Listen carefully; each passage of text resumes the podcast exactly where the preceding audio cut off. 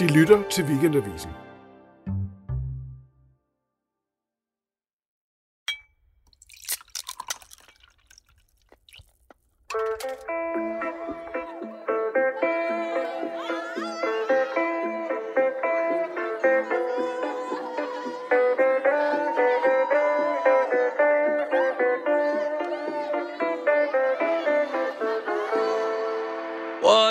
Jeg hedder Lone Frank. Jeg har talt med misbrugsforskere om, hvorfor vi drikker. Det er blevet en historie, der handler om hjerner, om gener, i særdeleshed om kultur og om unge mennesker. Og historien den hedder Det fordrukne forår. Hvorfor drikker Jeppe? Er det fordi Nille er efter ham med krabasken og for øvrigt ligger dygtigt i med dejen? Oplever han måske snarere eftervirkninger af en traumatisk opvækst blandt festebønder i dyb social armod, eller drejer det sig om et fænomen, nyere forskning peger imod? At Jeppe, ligesom en rekordstor andel af nutidens danske unge, allerede som teenager greb ud efter flasken og fik skabt en neurologisk trang til de våde varer for resten af livet. Spørgsmålet om årsagen var påtrængende, da Holberg skrev sin komedie i 1722, og er det fortsat men vil så gerne forstå, hvordan kulturens foretrukne rusmiddel, et stof, som ellers forbindes med livskvalitet, ender med at forkvakle nogle liv. Historisk har både sprogbrugen og opfattelsen undergået en glidning.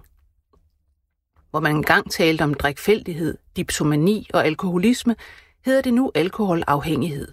Og hvor tolkningen af fænomenet længe gik på lastefuldhed og personlig svaghed, handler alkoholproblemer nu om sygdom i den internationale sygdomsklassifikation ICD, der netop er trådt i kraft i sin 11. udgave, er alkoholafhængighed repræsenteret i såvel det somatiske som det psykiatriske afsnit.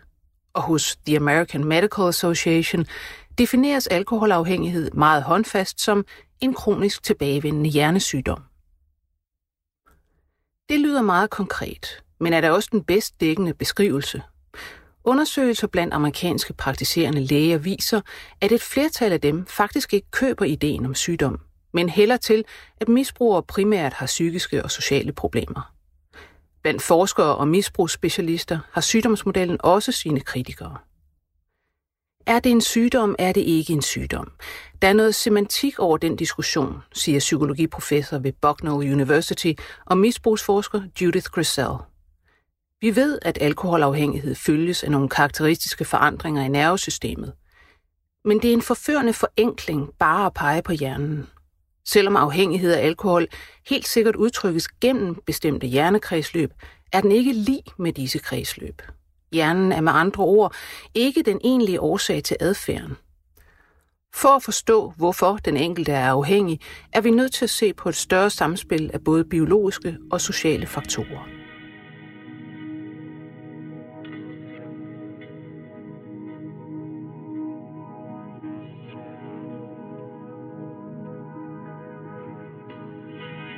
Netop kompleksiteten er det, som gør området så utrolig fascinerende at beskæftige sig med, siger den danske misbrugsforsker og professor ved SDU, Annette Søgaard Nielsen. Også hun er forbeholden over for sygdomsretorikken og peger for sin del på kultur som en væsentlig faktor. Hvis jeg skulle svare på, hvorfor Jeppe drikker, vil jeg sige, at det i høj grad handler om, at han lever i et samfund, der associerer det at drikke med livsglæde og livskvalitet, siger hun og giver som eksempel det forskningsprojekt, der fik hende selv i gang i feltet for 30 år siden. Det var en kohorteundersøgelse, hvor man fulgte mennesker i behandling for alkoholafhængighed på Fyn. Forskernes indgang var, at problematisk druk hang på noget indre, såsom et traume, den enkelte bar på. Men problemet viste sig i høj grad også at være branchefordelt. Der var arbejdspladser, som gik igen, og det var typisk arbejderne på kaffebrænderierne og slagterierne, samt tjenere og journalister, som drak tæt og jævnt. Når vi forsøgte at psykologisere dem og spurgte til de dybere liggende årsager, så de på os, som om vi var idioter. Men drak bare. Sådan var kulturen. Der var tale om en simpel tilvænding, siger Søgaard Nielsen. Og netop tilvænding er den rent mekanistiske nøgle til at forstå, hvad der sker i hjernen på den afhængige. Afhængighed er en form for læring eller tilpasning, fastslår Judith Grisell. Hun understreger dog straks, at der ikke findes nogen klar og veldefineret grænse mellem at have et problematisk forbrug af alkohol på den ene side og en decideret afhængighed på den anden. Der er tale om et kontinuum. Men definerende for afhængighed er en ukontrollerbar trang til alkohol og fysiske abstinenser, hvis man ikke får den alkohol. Og tilvænding bringer en derhen ved at forandre en række processer i hjernen. Det handler overordnet om en omprogrammering af belønningssystemet. Et netværk af dybe hjerneområder, som blandt andet aktiveres af signalmolekylet dopamin. Dette transmitterstof er med til at regulere både motivation, følelsesliv og ikke mindst oplevelsen af nydelse og begær. Årtiers eksperimenter med knæver, der tilbydes alkohol, har afdækket, hvordan et kronisk indtag får en ganske bestemt gruppe hjerneceller til at ændre deres aktivitetsmønster, og dermed blandt andet dæmper hele belønningssystemets følsomhed over for dopamin.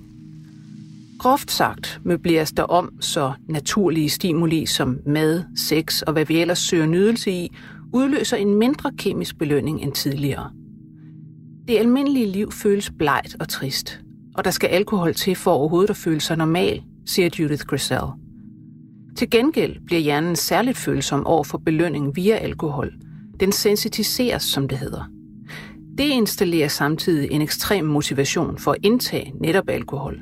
Det man taler om som trang. Et begær, som opleves væsensforskelligt fra gennemsnitsforbrugerens lyst til en kold øl på en sommer eftermiddag, eller et godt glas rødvin til sin entrecote. Det er Gollum og hans guldring.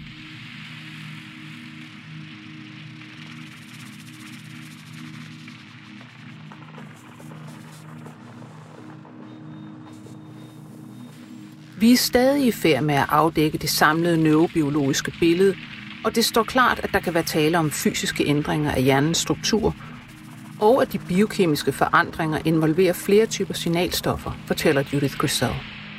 Men en afgørende pointe er, at det ser ud til at være yderst vanskeligt at omstøde de forskellige forandringer, når de først er sket. Så langt, så skidt. Men som Judith Grisel selv argumenterer for, leverer indblikket i neurobiologien ikke i sig selv det endegyldige eller udtømmende svar på, hvorfor det lige præcis er Jeppe, der drikker. Det skubber snarere spørgsmålet videre i årsagskæden. Sundhedsstyrelsens løbende kortlægning af det danske alkoholforbrug anslår, at der i 2019 var omkring 140.000 danskere med decideret afhængighed, svarende til knap 3 procent af befolkningen. De færreste, som drikker alkohol, er med andre ord i nærheden af at udvikle en afhængighed. Og selv blandt dem, der på et givet tidspunkt har et problematisk forbrug og høj risiko for at udvikle afhængighed, er det et fortal, som rent faktisk gør det. Der bliver investeret mange kræfter i at identificere, hvilke faktorer, der forudsiger overgang fra almindeligt forbrug til problematisk forbrug og endelig til afhængighed. Men udbyttet er begrænset, fortæller Annette Søgaard Nielsen. Et illustrativt eksempel er det fælles europæiske Alice Rap-studie, som mellem 2011 og 2016 involverede 200 forskere fra 26 lande og tilhørende 29 faglige discipliner. Man opstillede nogle teoretiske modeller, hvor der indgår en meget bred vifte af faktorer, lige fra intelligens til nøjagtigt hvilken type alkohol man drikker, men sammenhængende til hver enkelt faktor er kun vage. Ser man overordnet på det, fortæller undersøgelser af tvillinger og adopterede, at alkoholafhængighed er en cocktail, som rystes af en del arvelighed til en del miljø. Men i praksis siger det meget lidt. Arveligheden på 50 procent dækker over 100 eller tusindvis af gener, som hver især enten øger eller dæmper risikoen en ganske lille smule. Og miljø er reelt bare en samlebetegnelse for alt det, som ikke er genetik de myriader af påvirkninger, man får gennem et liv. Der vil være uendelig mange kombinationer af genetisk disposition, konkrete omstændigheder, oplevelser og erfaringer, som tilsammen kan forklare et menneskes udvikling af misbrug og vej til afhængighed. Der er ingen enkelt faktor, som med stor sikkerhed forudsiger forløbet, siger Judith Grisel. Men noget af det, som statistisk var i den tungere ende, er personlighedstræk som høj risikovillighed, en tendens til angst og depression, og især det, at man begynder sit forbrug allerede som teenager. Her er vi tilbage ved hjernen. Teenager er så at sige evolutionært programmeret til at eksperimentere og kaste sig ud i risikabel adfærd. i og med at deres limbiske system, som omfatter belønningssystemet og tager sig af emotion og motivation, udvikler sig hurtigere end den præfrontale hjernebark, som huser impulskontrol og resonemang. Samtidig er teenagehjernen særligt følsom over for belønning. Begynder man at drikke som 14-årig, syvdobler det sandsynligheden for at udvikle en afhængighed i forhold til at udskyde sin debut med alkohol til de 21. Nøjagtigt hvorfor, ved vi ikke, men vi kan se, at det påvirker hjernens udvikling, bemærker Judith Grisel. Det fremgår eksempelvis af en to år gammel amerikansk undersøgelse, som har fulgt knap 500 unge mellem 12 og 21 år over fire år og hjerneskannet dem med mellemrum. Jo tidligere og jo mere de unge drak, desto mere forstyrret var udviklingen af den hvide substans i de frontale dele af hjernen, det vil sige de fibre, som indeholder kommunikationsforbindelser til og fra hjernens højere kognitive områder.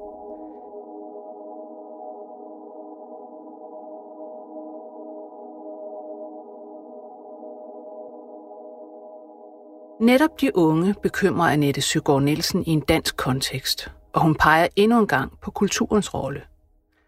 Over de seneste 20 år er det samlede danske alkoholforbrug faldet med en fjerdedel, og meget skyldes formentlig udryddelsen af drukkulturen på arbejdspladserne.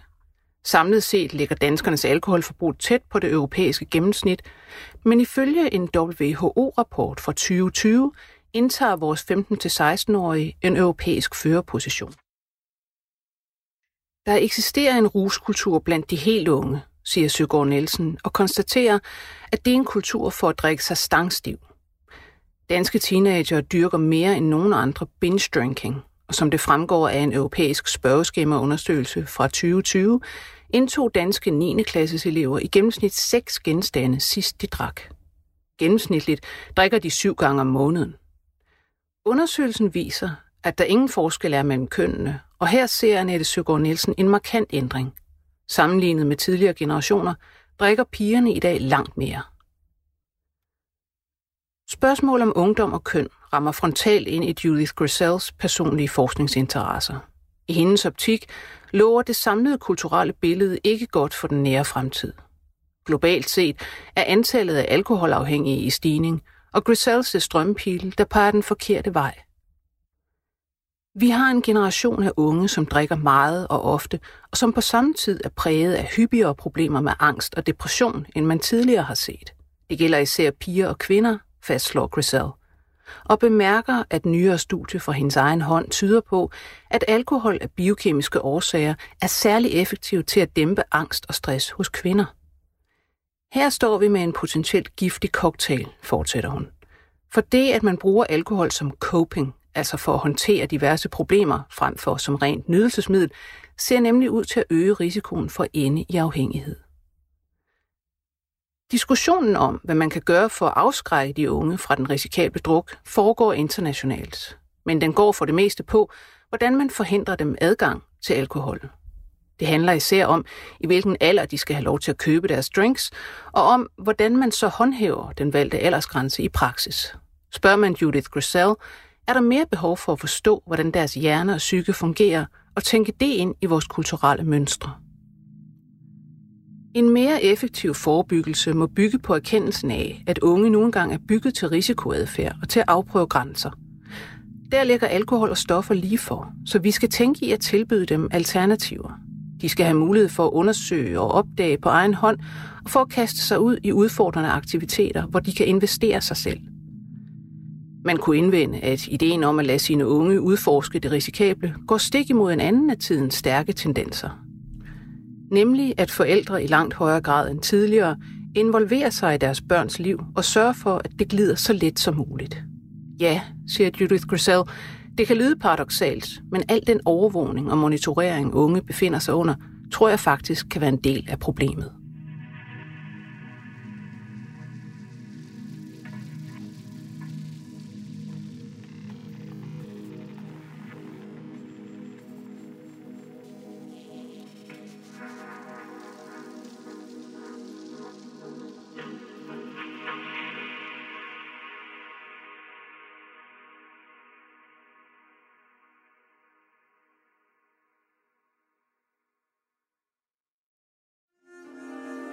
Dette var en artikel fra Weekendavisen.